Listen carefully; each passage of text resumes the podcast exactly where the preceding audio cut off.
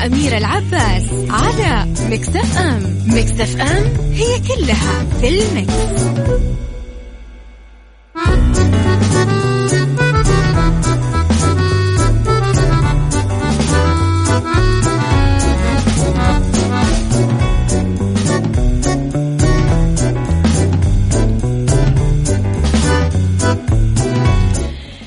يسعد لي صباحكم ويا أهلا وسهلا فيكم على إذاعة Mix FM في برنامج عيشها صح من الأحد للخميس من عشرة الصباح إلى واحدة الظهر كل يوم ولمدة ثلاث ساعات على التوالي.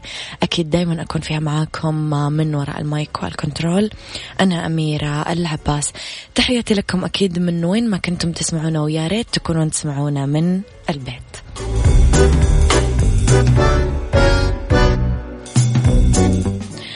مثل ما نقول كل يوم إنه كلنا مسؤول ونعود لكن نعود بحذر. أكيد تسمعون على تردد 105.5 بجدة 98 بالشرقية. على رابط البث المباشر أو على تطبيق Mix FM حملوه على جوالاتكم سواء Android أو iOS راح تقدرون أكيد تسمعونا وين ما كنتم. على أيضا رقم الواتساب ارسلوا لي رسائلكم الحلوة على صفر خمسة أربعة ثمانية, ثمانية واحد, واحد سبعة صفر صفر. تقدرون تتابعونا كمان في ال social media على at Mix FM Radio Twitter Snapchat Instagram و Facebook. ثلاث ساعتنا الجديدة كمان فيها مواضيع جديدة. ساعتنا الأولى أخبار طريفة وغريبة من حول العالم.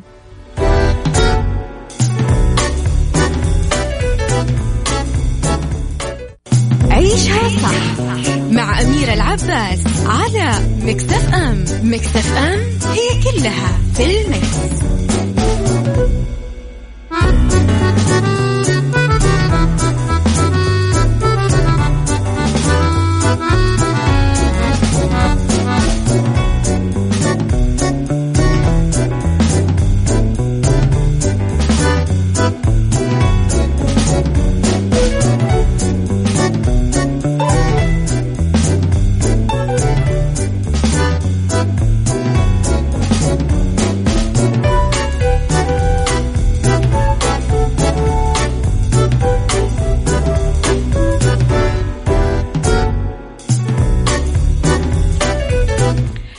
خبرنا الأول وموضوعنا الأول وهدف يعلق برنامج صيفي هذا العام ويدعو للاستفادة من منصتي سبل ودروب. علق صندوق تنمية الموارد البشرية هدف برنامج التدريب الصيفي لهذا العام واللي كان مقرر تنفيذه في ذو القعدة 1441 هجري وذلك بالتنسيق أكيد مع وزارة الموارد البشرية والتنمية الاجتماعية. هذا كله كما نعلم يأتي تماشيا مع الإجراءات الاحترازية المتخذة حاليا لمواجهة فيروس آه كورونا المستجد كوفيد 19 أكد صندوق تنمية الموارد البشرية هدف أنه لتحقيق المنفعة للمستفيدين خلال هالفترة فإنه الصندوق سيستمر في آه تقديم خدماته من خلال المنصات الإلكترونية التي تساهم بشكل إيجابي في تعزيز مبدأ إكساب المعارف والمهارات للطلاب. والطالبات. أضاف أيضا أنه منصة سبل للإرشاد المهني تساهم في تثقيف الطلاب والطالبات ومساعدتهم في التعرف على توجهاتهم ميولهم كيف يتم استغلالها الاستغلال الأمثل بالإضافة إلى برامج التدريب الإلكتروني عبر منصة دروب واللي هي تعد من أهم المنصات الإلكترونية اللي تقدم التدريب عن بعد من خلال البرامج المتنوعة فيها العديد من المجالات الخاصة بالتدريب. أيضا تحقق احتياجات أغلب قطاعات الأعمال.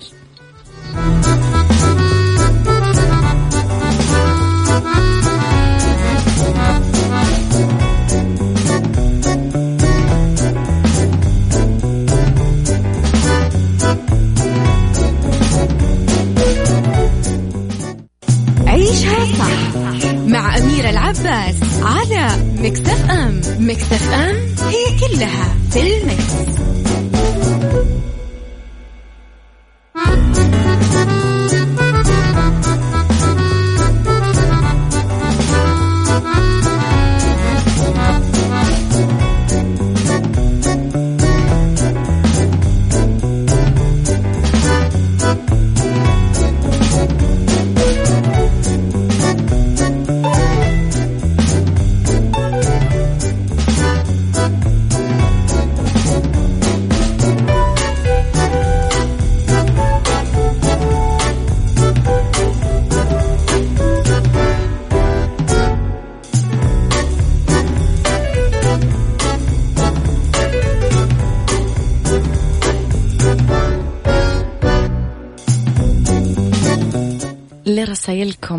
الحلوة يسعد صباحكم بكل الجمال.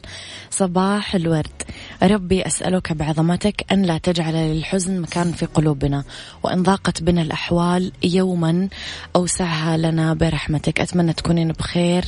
دائما أنا كمان أتمنى تكون بخير يا صديقي ولكن اكتب لي اسمك عشان أصبح عليك باسمك. صباح الخير لأحلى إذاعة وأحلى مذيعة. غيث صباح الورد والجمال يا صديقي البرنامج الجميل. إلى خبرنا التالي ومقاعد فاصلة تفرض التباعد الجسدي بالطائرات. بأحدث طرق فرض التباعد الجسدي على رحلات الطيران كشفت آه، شركتين متخصصة بصناعة الطيران والفضاء تصميم جديد للمقاعد يضمن الفصل بين ركاب الطائرة بحيث يصبح المقعد الأوسط أصلا غير قابل للاستخدام علاوة على حجبه الرؤية عن المسافرين المتجاوزين. وفقا لصحيفة بريطانية آه، صمم المقعد وعرض لأول مرة في ديسمبر الماضي وكان يهدف في الأساس لتحقيق خصوصية للمسافر أثناء النوم. أعيد تصميمه أيضا بعد جائحة كورونا لتوفير حل يسمح لشركات الطيران بالعودة للعمل وتعويض الخسائر اللي تكبدتها خلال فترة التعليق. يذكر أنه شركات الطيران حول العالم أكدت التزامها أكيد بتخفيف أعداد المسافرين على رحلاتها لمواجهة تفشي الفيروس المستجد. إيش تعليقكم يا جماعة على موضوع رحلات الطيران؟ هل أنت من الناس اللي سافروا راحوا أو رجعوا من مكان سواء داخلي أو دولي؟ وقول لي تجربتك كيف كانت مع الطيران على صفر خمسة أربعة ثمانية, واحد سبعة صفر صفر.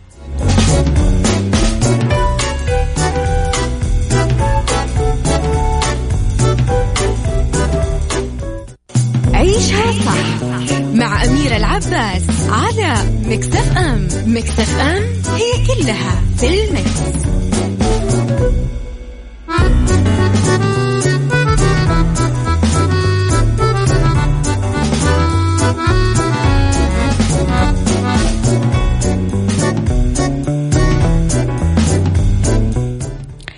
للعملاقة والجميلة والراقية والرائعة ماجد الرومي واللي تواجه كورونا بأغنية جديدة.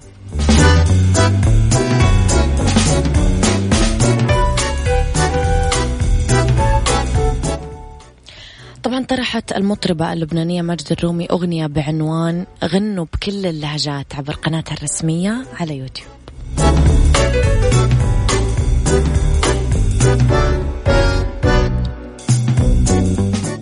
الأغنية من تأليف ماجد الرومي ألحان ميشيل فاضل والكلمات مستوحاة من مرحلة التباعد الاجتماعي اللي فرضتها جائحة كورونا على كل شعوب العالم في محاولة للترويج للأغنية.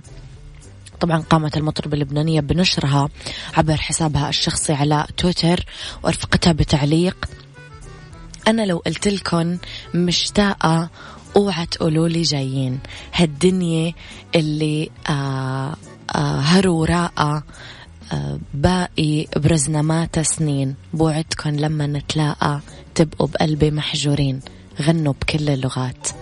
أيضا يذكر أنه مجلة فوق كانت نظمت آه، جلسة تصوير للفنانة ماجدة الرومي مؤخرا وظهرت خلالها وهي آه، متشحة بالعلم اللبناني في قصر الصنوبر الكائن وسط بيروت واللي يعود تاريخ إنشاؤه لعام 1916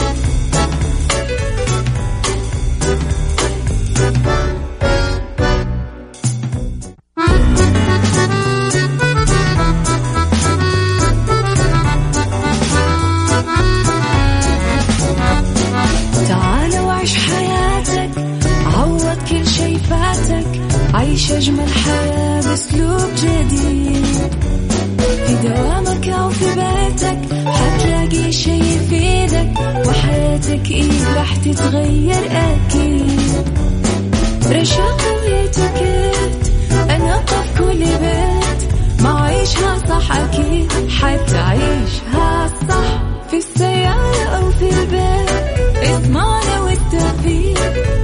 الشيء المفيد ما عيشها صح الآن عيشها صح مع أميرة العباس على مكتف أم مكتف أم هي كلها في المكس.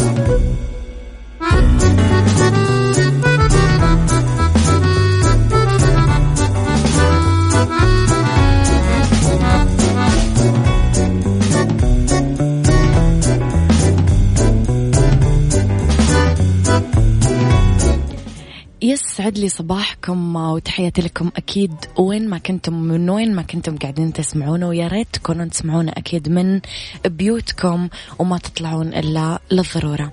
تحياتي لكم من وين ما كنتم أحييكم من وراء ال mic وال control.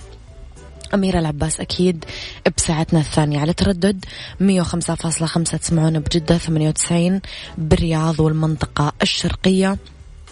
على رابط البث المباشر إحنا كمان موجودين وعلى تطبيق Mix FM. حملوه على Android أو على iOS عشان تسمعونا وين ما كنتم. كلنا مسؤول ونعود لكن بحذر.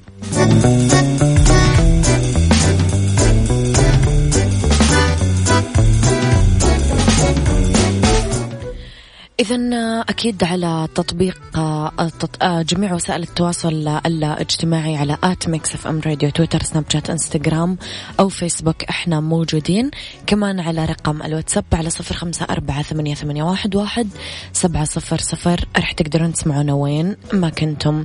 في هذه الساعة اختلاف الرأي لا يفسد للود قضية. لولا اختلاف الأذواق أكيد لبارة السلع توضع مواضيعنا يوميا. على الطاولة بعيوبها ومزاياها بسلبياتها وإيجابياتها بسيئاتها وحسناتها. تكونون أنتم الحكم الأول والأخير بالموضوع. بنهاية الحلقة نحاول أننا نصل لحل العقدة ولمربط الفرس. إذا عندكم أي سؤال يخص آه طب السمنة والأمراض المزمنة. فخليكم على السماع واكتبوا لي أسئلتكم على صفر خمسة أربعة ثمانية, واحد, واحد سبعة صفر صفر. وأنا بدوري أكيد أطرحها على ضيفنا.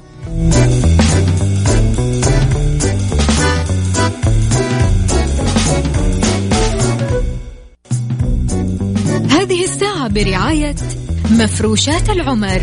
مفروشات العمر لراحتك.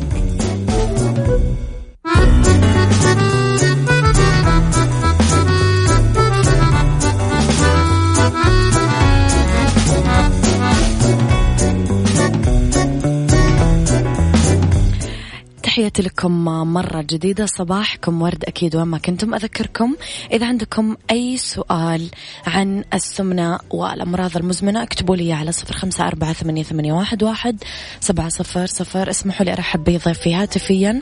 دكتور خالد محمد العمري استشاري طب السمنة والأمراض المزمنة. يسعد صباحك يا دكتور. يسعد صباحكم جميعا وشاكر حقيقة للاستضافة وإن شاء الله تكون الدقائق القادمة إن شاء الله مفيدة للجميع. يا رب يا كريم نرحب فيك أكيد على أثير إذاعة Mix FM. دكتور خالد من المعروف أنه السمنة تزيد من خطر الإصابة بأمراض أخرى. يعني نتكلم مثلا على أمراض القلب على السكري من النوع الثاني.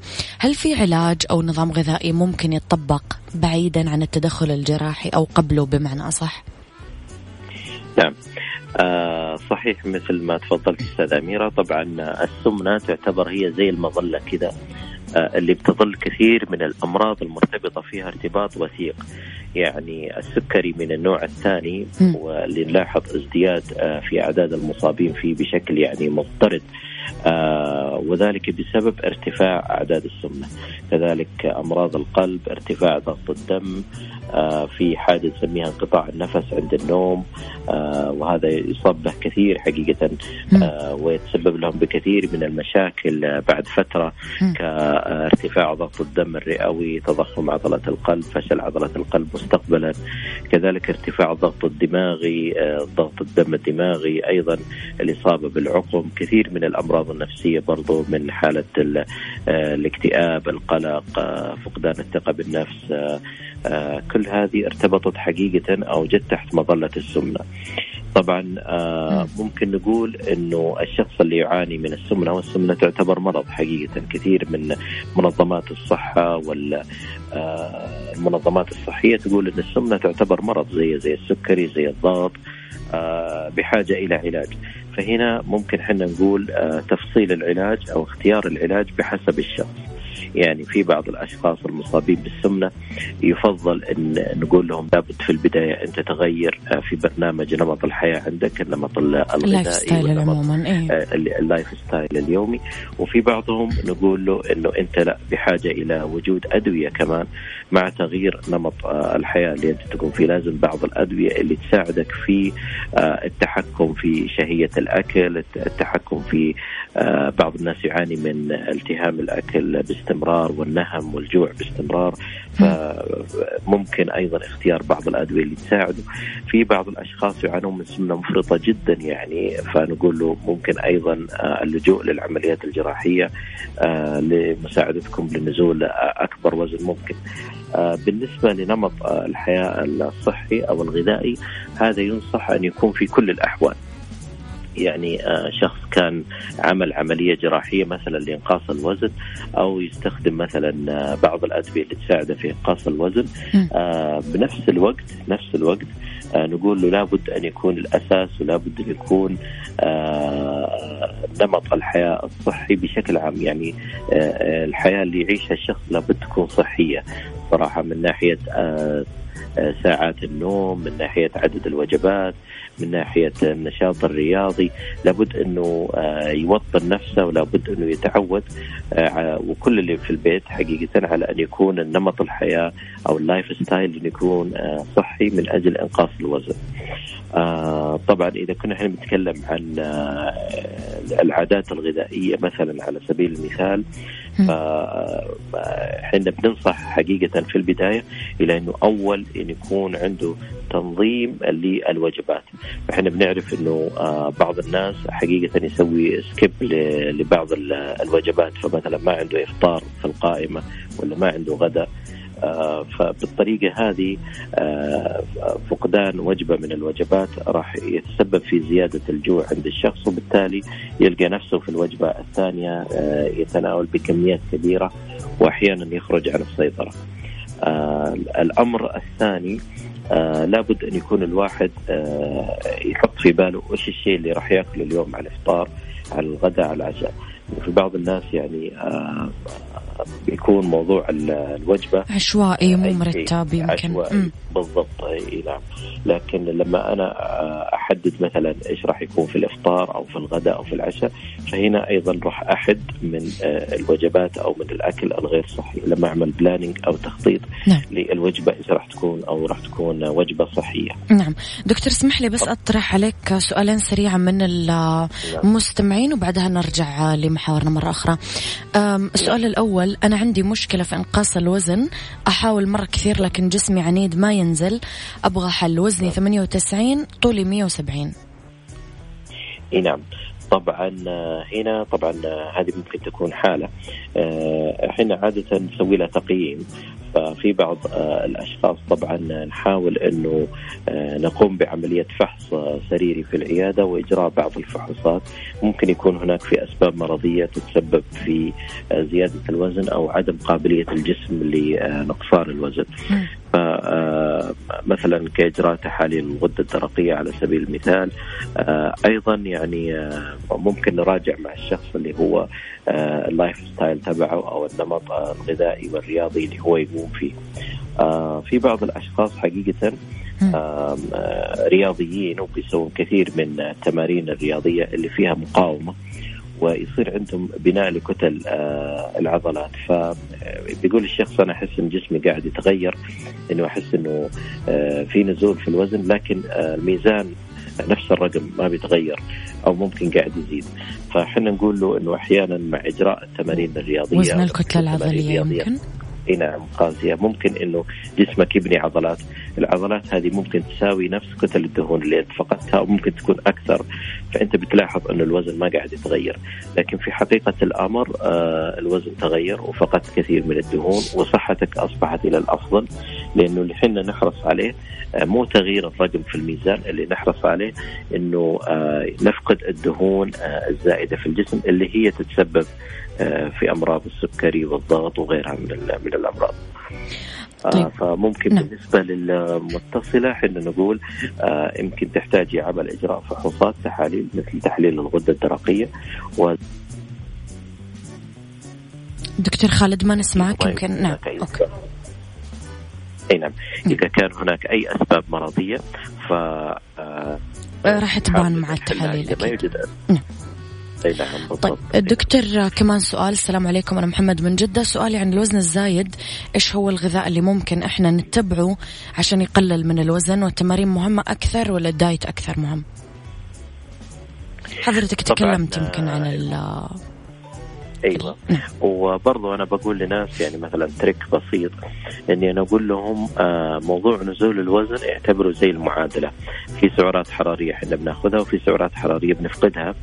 فأنا عندي كثير صراحة من الناس آه، قاعد يفقد وزنه بأنه يمارس الرياضة بكثرة.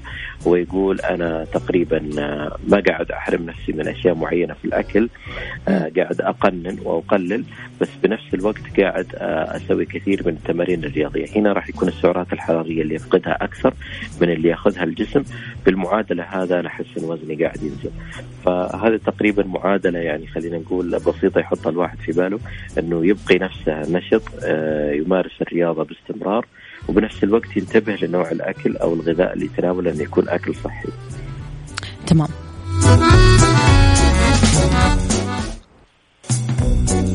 هذه الساعة برعاية مفروشات العمر، مفروشات العمر لراحتك.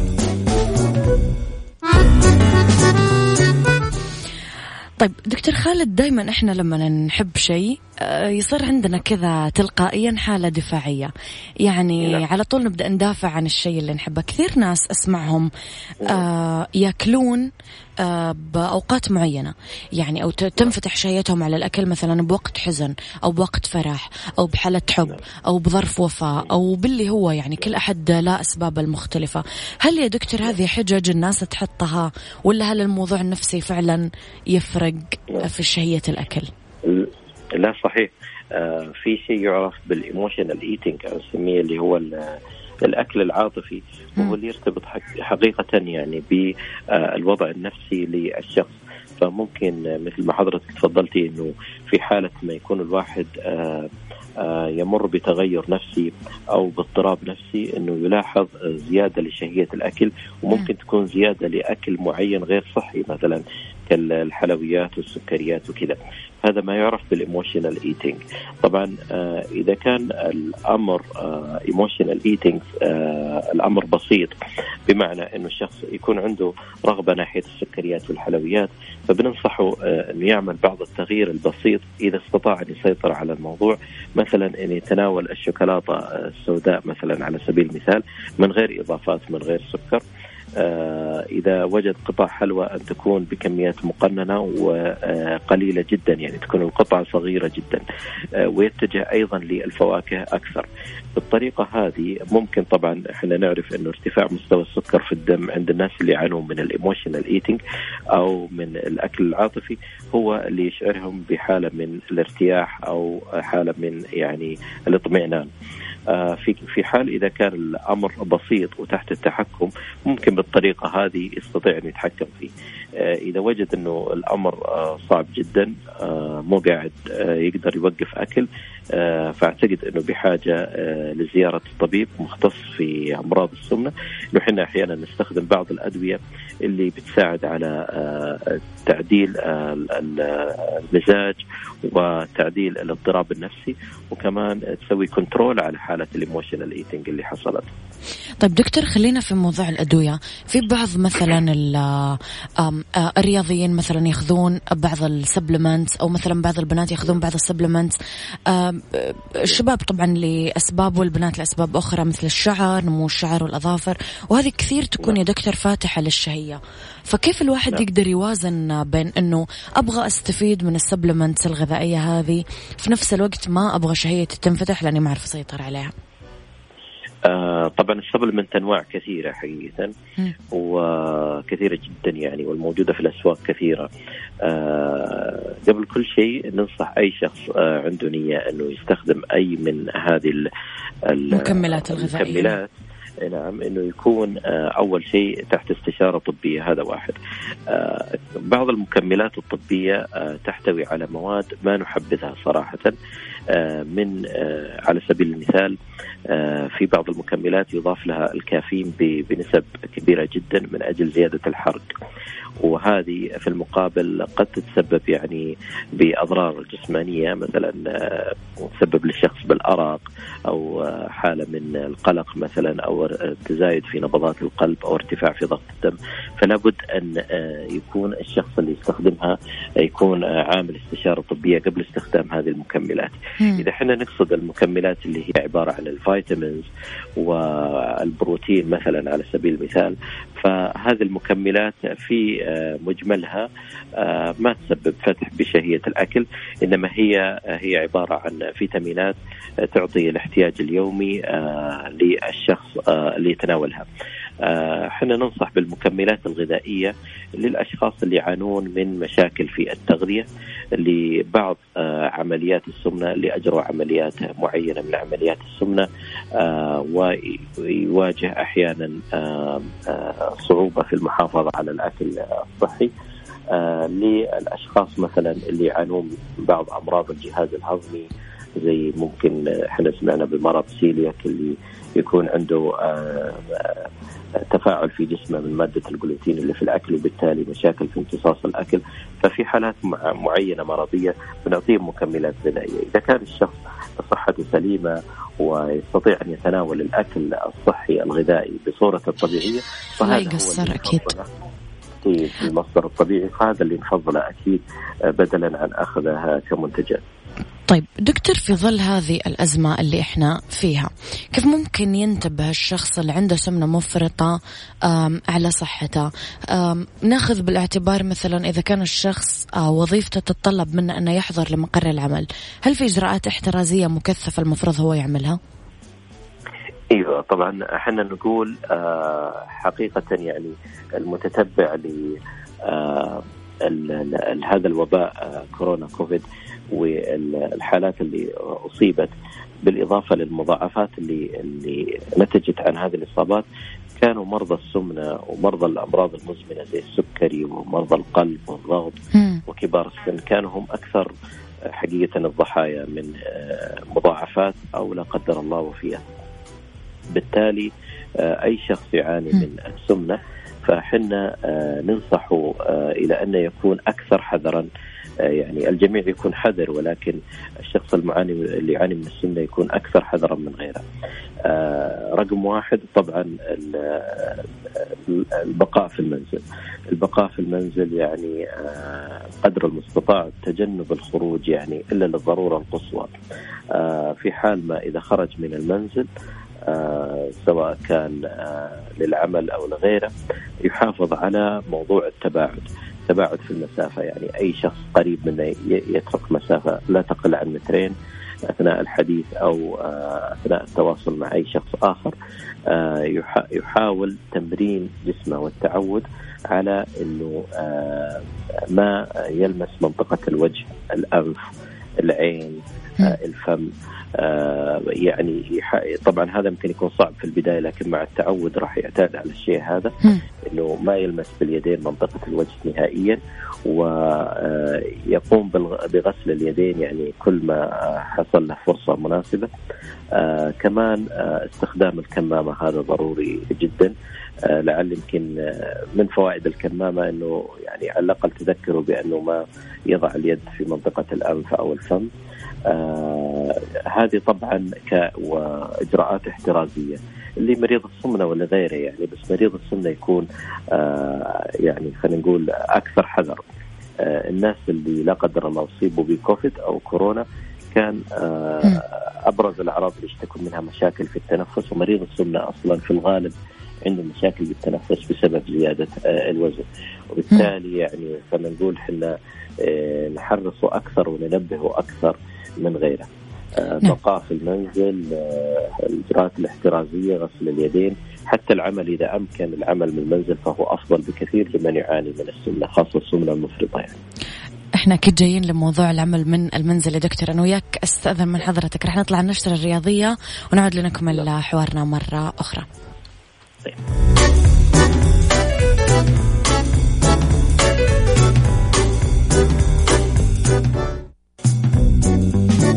الساعة برعاية مفروشات العمر. مفروشات العمر لراحتك. تحياتي أكيد لكم مرة جديدة. أسمحوا لي أرحب بضيفي هاتفيا. مرة أخرى. صباح الخير. مرة جديدة. دكتور خالد. صباح الخير. آه، دكتور آه، جزء كبير جدا من الناس أصبح يشتغل من البيت أو عن بعد. نعم. كيف نقدر نتجنب زيادة الوزن؟ لما تكون يا دكتور رتم حياتنا سريع وإحنا طالعين رايحين جايين مسافرين أحيانا ننسى حتى ناكل. بس لما نكون طول الوقت في مكان واحد يصير ما في قدامنا غير إنه إحنا ناكل يعني متذكرين الأكل نعم. طول الوقت. فكيف يقدر نعم. الشخص يتجنب زيادة الوزن؟ آه يمكن نرجع للنقطة الأولى اللي هو نمط الحياة اللي هو ال life style نعم. هو مشكلة حق حقيقة البقاء في البيت اللي لاحظناها إنه نمط الحياة تغير عند كثير من الناس. نعم. بمعنى إنه صار عنده سهر مثلا ساعات طويلة وصار مثلا بينام بالنهار وبالتالي عمل skip لكثير من الوجبات. آه كمان آه بيعاني مثلا لما بيصحى من خمول وتعب لأنه كان فترة المساء آه كله سهر ما أخذ كفايته من النوم. آه فبالتالي حتى موضوع الحركة والنشاط والرياضة يصير ما وارد. لأنه هو عمل لخبطة كذا في جدول نمط الحياة تبعه.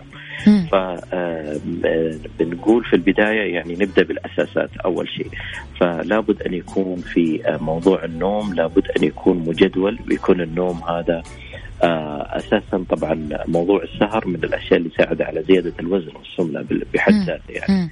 آه، ف... وتنظيم النوم هو من الأشياء اللي تساعد على نزول الوزن فقبل كل شيء بنقول للشخص إنه لازم تحرص على آه، تنظيم على نومك. ساعات النوم أثناء المساء وتجنب السهر.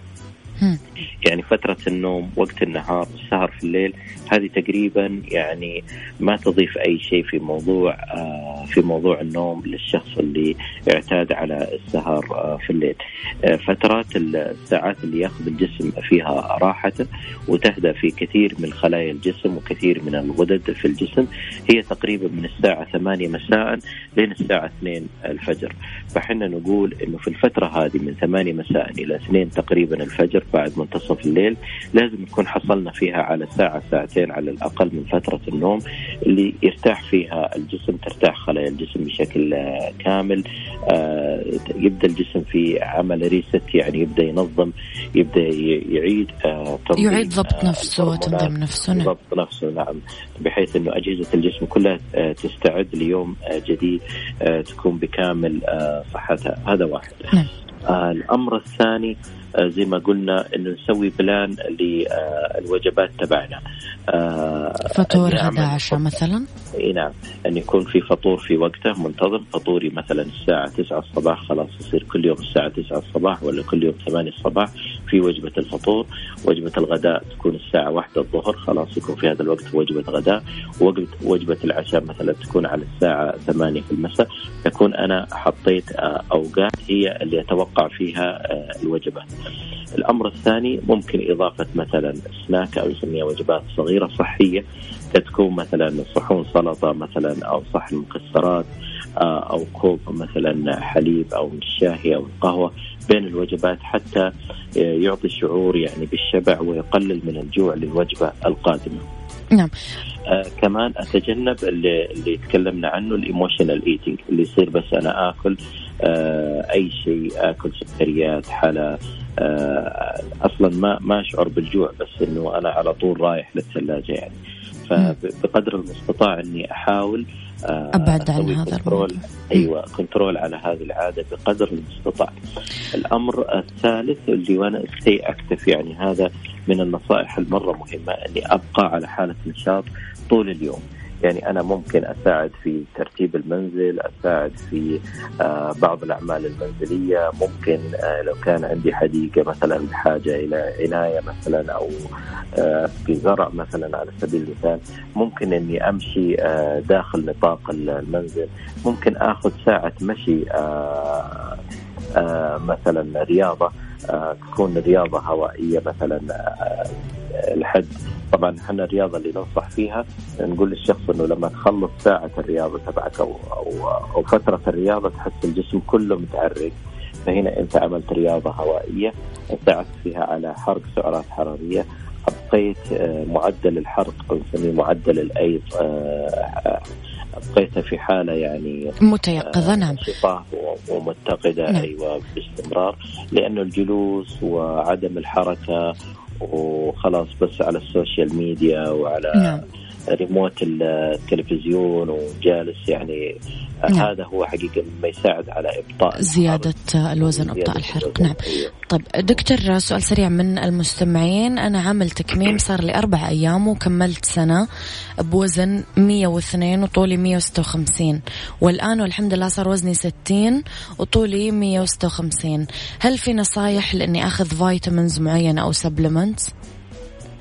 آه كل عمليات السمنة كل عمليات السمنة سواء كانت تكميم أو تغيير مسار أو, أو تحوير مصغر ينصح فيها ينصح فيها بإضافة المكملات الغذائية من فيتامينات ومجموعة باء آه طبعا آه خلينا نقول إلى جانب الأكل الصحي آه إنه الشخص طبعا آه خلاص يبدأ يعود نفسه الآن. طبعا سعة المعدة صغيرة جدا فيعود نفسه على إنه الأكل اللي يتناوله يكون أكل صحي غني بالبروتين الموجود في آه، اللحوم والدجاج والأسماك والبقوليات وكمان آه، غني بالألياف الموجودة في الخضار والفواكه مع مضغ الأكل بشكل جيد بحكم إن المعدة سعتها صغيرة جدا.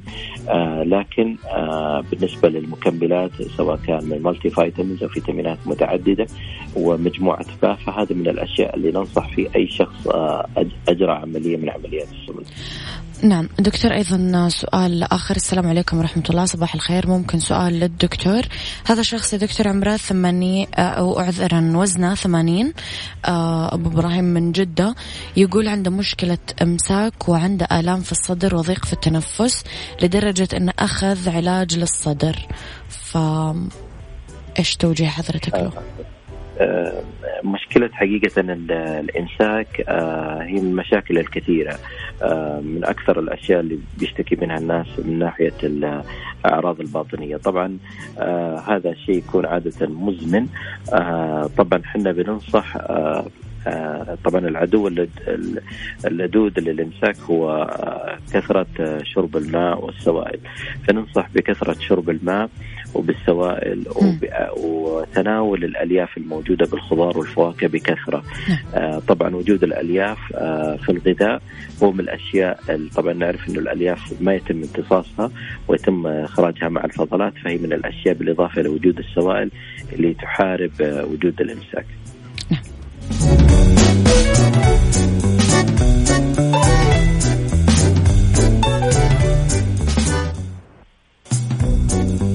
هذه الساعة برعاية مفروشات العمر. مفروشات العمر لراحتك. طيب دكتور خالد كثير أشخاص يتبعوا نظام غذائي وحققوا فعلا خسارة بالوزن ملحوظة. بس للأسف على طول آه رجعت تعوضت هذه الخسارة بوزن آه زاد بعد فترة قصيرة يعني. كيف يقدر الشخص يثبت على الوزن بعد ما خسره؟ إي نعم آه هذه كثير نشوفها لموضوع نزول الوزن وبعد فترة يصير في رجوع في الوزن. آه عملية نزول الوزن بشكل آه يعني عام آه بأي سبب كان سواء كان برنامج غذائي أو عمليات جراحية أو غيره ممكن يتبع زيادة في الوزن. آه هذه يسمونها العملية آه، اخصائيين التغذيه يسمونها مثل لعبة اليويو اللي هي الكرة اللي نازلة طالعة يعني. أيه. فموضوع الوزن ممكن إنه يكون يصاحبه بعد فترة زيادة بالوزن طبعا زيادة الوزن تعكس إنه الشخص تقريبا آه، حدث تغيير عنده في البرنامج الصحي أو الغذائي اللي كان آه، يقوم فيه آه، لذلك حتى بعد عمليات السمنة بعض بعض الناس لما يسوي عمليات سمنة يعتقد إنه العملية راح تسوي كل شيء وراح يكون الأكل غير صحي وما يمارس الرياضة وما يتحرك فيلقى نفسه بعد فترة بدا الوزن يرجع وفي حالات حتى ممكن رجعت اوزانها للمستوى ما قبل العملية الجراحية.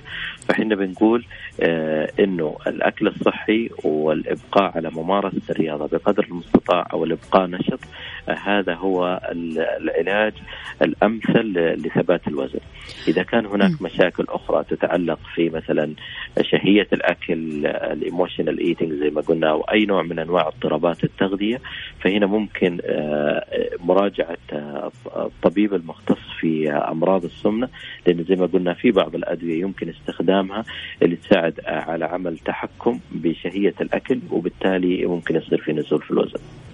طيب دكتور بالنسبة لآلية حساب السعرات الحرارية هل نعم. فعلا نتائجها فعالة للأشخاص اللي عندهم سمنة مفرطة؟ نعم آه، آلية آه، أو آلية حساب السعرات الحرارية هي آه، إعطاء الشخص تقريبا سعرات حرارية يومية أقل من ما يحتاجه بحيث إنه أنا أسوي في المعادلة تنقيص للسعرات الحرارية حتى أجبر الجسم على النزول في الوزن. طبعا آه هذا بشكل عام إذا تكلمنا هي ممكن تستخدم لإنزال الوزن بس إذا كنا نخصص آه هذا الكلام لمن يعاني من السمنة المفرطة فيمكن يكون في تفصيل أكثر. طبعا آه آه مثلا آه مرضى السمنة أو اللي يعاني من السمنة بيختلفون. في عندنا بعض المرضى كتل الجسم وحنا نعرف كتلة الجسم اللي هي النسبة ما بين الوزن والطول. في بعضهم طبعا كتل الجسم تكون 30 32 آه هذه يس ممكن أقول أنه أعتمد على برنامج غذائي صحي تقليل سعرات حرارية تقليل كميات أكل ممارسة رياضة أكثر حتى أتفادى أي زيادة في الوزن. لكن لما يكون مثلا كتل الجسم أكثر من 40 آه أو كتل جسم كبيرة جدا فهنا يكون الوضع فيه صعوبة. آه، بيحتاج الشخص إلى عامل مساعد آخر زي إجراء العمليات الجراحية. ففي بعض الأحيان بالعكس إحنا في حالات السمنة المفرطة بنقول له آه، الأولوية هو إجراء عملية جراحية هي الأفضل بالنسبة لك لأنها تساعدك لنزول وزن أكثر وحتى في الاستدامة يعني موضوع رجوع الوزن يكون أصعب مقارنة بحساب السعرات الحرارية. فهي خلينا نقول case by case أو حالة عن حالة. فتعتمد على آه، الحالة بالضبط إيش هي وإيش كمان المضاعفات. لو كان الشخص عنده مشاكل صحية عنده سكري ضغط آه، أمراض قلب آه، برضه بعض الحالات النفسية كحالات الاكتئاب والقلق وغيرها. فهي خلينا نقول ممكن اختيار العلاج الأنسب بحسب الحالة طيب دكتور أخيرا أصحاب الأمراض المزمنة السكري والضغط والقلب والسمنة نعم. كيف نقدر نزيد وعيهم؟ وهل أهمية أخذ الاحتياطات وكيف لازم ما يطلعون إلا للضرورة القصوى؟ وفعلا ما يستهينون نعم. بالفيروس لأنهم عرضة أكثر من غيرهم لالتقاط الفيروس. نعم. كان بأحد الدراسات آه مشكلة الوفيات عند مرضى السكري اللي يعانون من السمنة كانت سبعة أضعاف الشخص العادي. يعني تخيلي إنه آه، لو شخص أصيب بكورونا ويعاني من السكري ف آه، لا قدر الله الوفاة راح تكون ملتبلاي باي 7 يعني تقريبا سبعة أضعاف آه، الشخص السليم الصحيح اللي ما يعاني من سمنة. لذلك الرسالة ممكن اللي إحنا نحب نوجهها أنه في فترة وجود هذا الوباء حاليا سواء آه، الناس المصابين أو حتى آه، أهاليهم يعني ممكن يكون الشخص اللي في المنزل صحته آه، الحمد لله طيبة وما يعاني من السمنة. لكن في من اقاربه من أحبائه في المنزل يعني الوالد الوالدة الأخوان من يعاني من سمنة أو سكري أو ضغط. لذلك نقول يعني لهؤلاء الأشخاص اللي يعانون من أمراض مزمنة أو لمن هم معاهم في المنزل اللي هو البقاء في المنزل الفترة القادمة يعني حتى يتم السيطرة يعني على الوباء هو أفضل شيء ممكن أن نوجهه وأفضل رسالة ممكن أن نقولها.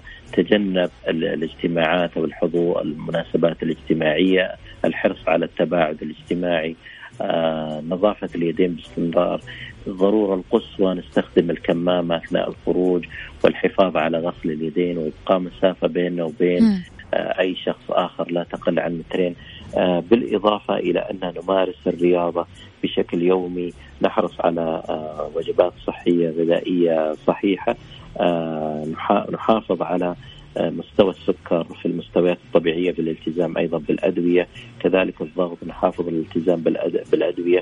في حال وجود أي إشكاليات أو آه، تتعلق بالضغط أو السكري نتواصل مع الطبيب المشرف على الحالة مباشرة. آه، نحرص على أنه الأمراض المزمنة under control تحت التحكم. آه، نمط حياتنا يكون صحي نمارس الرياضة وكمان الفترة القادمة البقاء في المنزل بقدر المستطاع. يعطيك ألف عافية دكتور خالد شكرا على معلوماتك. أمانة حلقة مليانة معلومات جدا جدا جدا كنا نحتاج نسمعها. يعطيك ألف عافية وأكيد لنا لقاء قريب بإذن الله تعالى. الله يعافيكم. شكرا جزيلا على الاستضافة وسعدت حقيقة بالاستضافة معك أستاذ أميرة وبكمان آه، المستمعين. الله يسعدك يا دكتور. ألف شكر تحياتي لك. يعطيك العافية. شكرا, شكرا. آه إذا كان معي هاتفيا دكتور خالد محمد العمري. استشاري طب السمنة والأمراض المزمنة.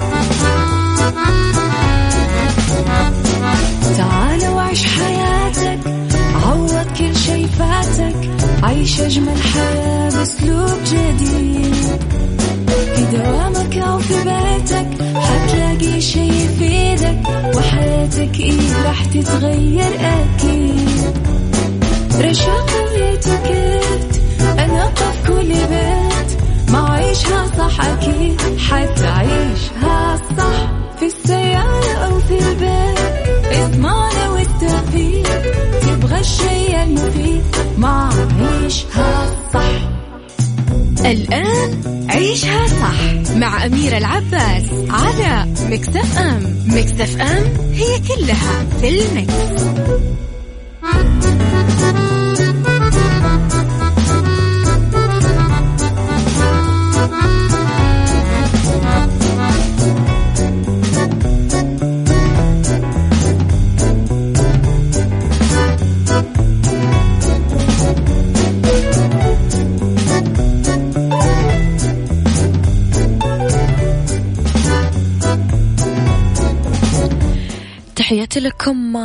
ويسعد لي مساكم مجددا في ثالث ساعات برنامج عيشها صح أنا وياكم أكيد لسه مع بعض إلين الساعة واحدة الظهر. أنا وياكم أكيد آه نبدأ مع بعض أولى ساعات المساء وآخر ساعات برنامج عيشها صح. إذا على تردد 105.5 إحنا موجودين بجدة 98 بالرياض والمنطقة الشرقية على رابط البث المباشر على تطبيق أيضا ميكس أف أم حملوه على أندرويد أو على iOS وعلى رقم الواتساب تقدرون أكيد ترسلوا لنا رسائلكم الحلوة. صفر خمسة أربعة ثمانية, واحد, واحد سبعة صفر صفر على at ميكس أف أم راديو تويتر سناب شات إنستغرام وفيسبوك أكيد إحنا موجودين معاكم وين ما كنتم.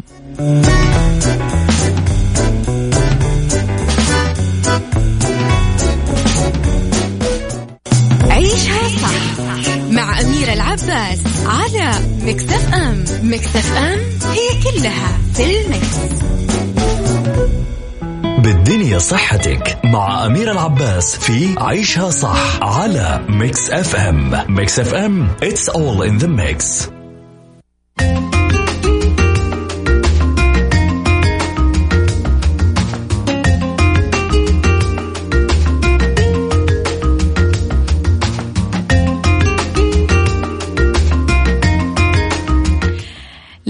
مو بالدنيا صحتك في نصائح للعناية بالبشرة الدهنية في الصيف.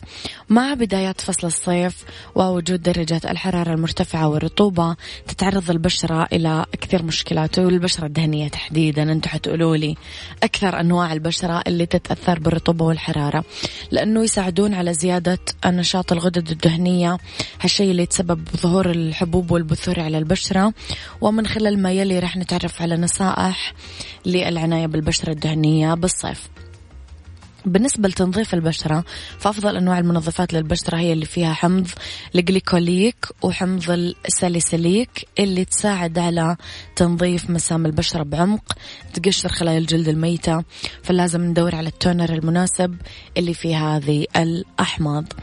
التخلص من دهون البشرة ممكن نحط بودرة آه، التلك أو المنتجات اللي فيها بوليمرات السيليكون اللي تساعد أنها تمتص الدهون والزيوت من البشرة وكمان تقلل من ظهور اللمعان الناتج عن أفراز الدهون على البشرة.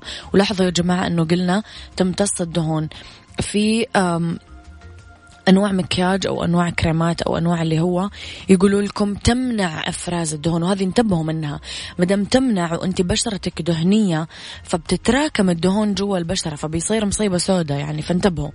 نروح لترطيب البشرة. آه، أكيد البشرة الدهنية لازم تترطب بشكل جيد آه، من خلال استخدام الكريمات الواقية من الشمس اللي ما فيها زيوت ولازم تحتوي على عنصر الزنك اللي له خصائص مضادة للالتهابات. هالشي يعمل وقاية من وجود الحبوب وخاصة حبوب الشباب. الغذاء الصحي مهم ناكلة لأنه فيه كل العناصر الغذائية المفيدة للبشرة الدهنية. نركز على الطماطم على الفراولة نحرص على تناول الشاي الأخضر ونقلل من الأطعمة الحارة والأطعمة اللي فيها نسبة عالية من البهارات واللي تتسبب في تهيج البشرة وزيادة الإفرازات الدهنية. شرب الماء بانتظام. كمان لازم نحرص على أننا نشرب موية بانتظام لأنه يزيد من التعرق ويساعد على التخلص من السموم الزائدة بالجسم والبشرة ويساعد على التقليل من إفراز الدهون على البشرة.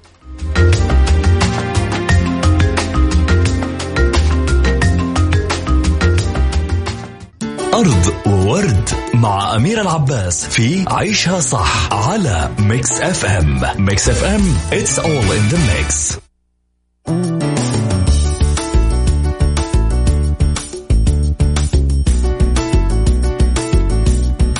في حديقة المنزل في أرض ورد اليوم نتكلم كيف نقدر نعتني بالحديقة الخاصة ببيتنا أثناء الشهر. تحديدا آه أشهر فصل الصيف الحارة. هل عندك حديقة بالبيت سواء صغيرة كبيرة بعض النباتات الخارجية بالبلكونة بالسطوح بالحوش؟ لازم تتعلم كيف تعتني بهالنباتات بحديقة البيت بالأيام الحارة الجاية.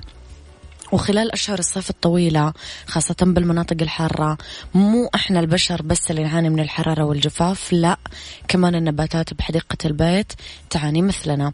أول شيء لازم نروي أو نسقي حديقة المنزل بعمق وانتظام. لازم دايما نقوم بالري بالأوقات الرطبة من اليوم يعني مثلا الصباح الباكر أو المساء وعشان نتفادى تبخر مياه الري لازم آه نعمل ري عميق. يعني نزيد كمية الموية ونبعد بين فترات الري. لازم نترك العشب ينمو أطول. كل ما زادت المساحة الخضراء بالحشائش كل ما استطاعت الحياة آه، بصحة أفضل خلال آه، حرارة الصيف. يعني إحنا نعطي الحشائش فرصة لأنها تظلل بعضها البعض بحديقة البيت. كمان آه نحاول نزيد المساحة المظللة قد ما نقدر. النباتات المزروعة حديثا هي الأكثر عرضة للخطر لذلك نحاول نظللها بغصون الشجر آه أو أوراق النخل عشان نقدر نغرس جذورها في أمان. ننتبه من الرياح. كل ما زادت سرعة الرياح الصيفية الحارة آه تضيف المزيد من الخطر لأن الرياح الحارة ممكن تقوم بتجفيف النباتات والتربة والغطاء العضوي بسرعة كبيرة والأفضل دايما أنه نقوم بزراعة سور من النباتات أو نحط سور للحديقة على شرط أنه يسمح هذا السور بمرور الهواء وتخلله لحديقة البيت.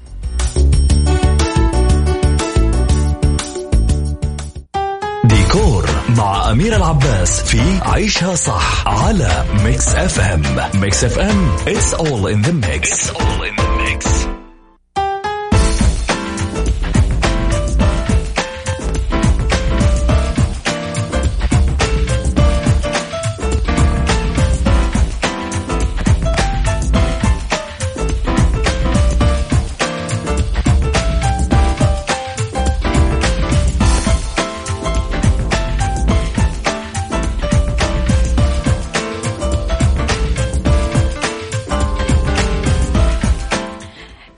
ديكور وأفكار ديكور مجلس الرجال بما أنه كلنا فاضيين وكلنا قاعدين نرتب بيوتنا فتحتل المجالس العربية مكانة هامة في ديكورات البيوت الخليجية عموما والسعودية خاصة لأنها تعبر عن ذوق المضيفين في الديكور الداخلي.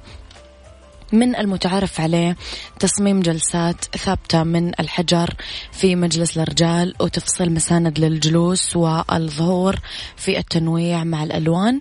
نفضل كمان أنه تختارون ألوان فاتحة لمفرشات المجلس سواء كانت مشغولة بالخشب أو الحجر.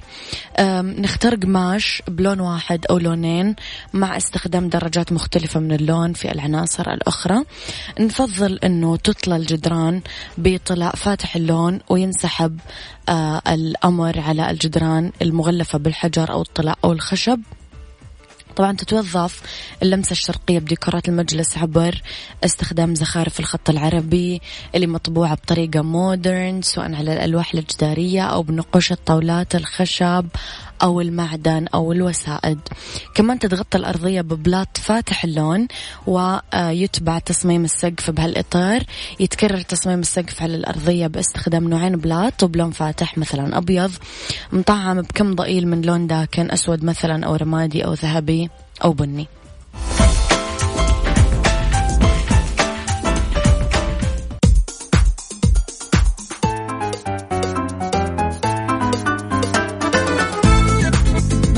اشتقتم لهذا الموسيقى أنا اشتقت لها كثير. مياه رؤية ثاني شركة مياه بالعالم.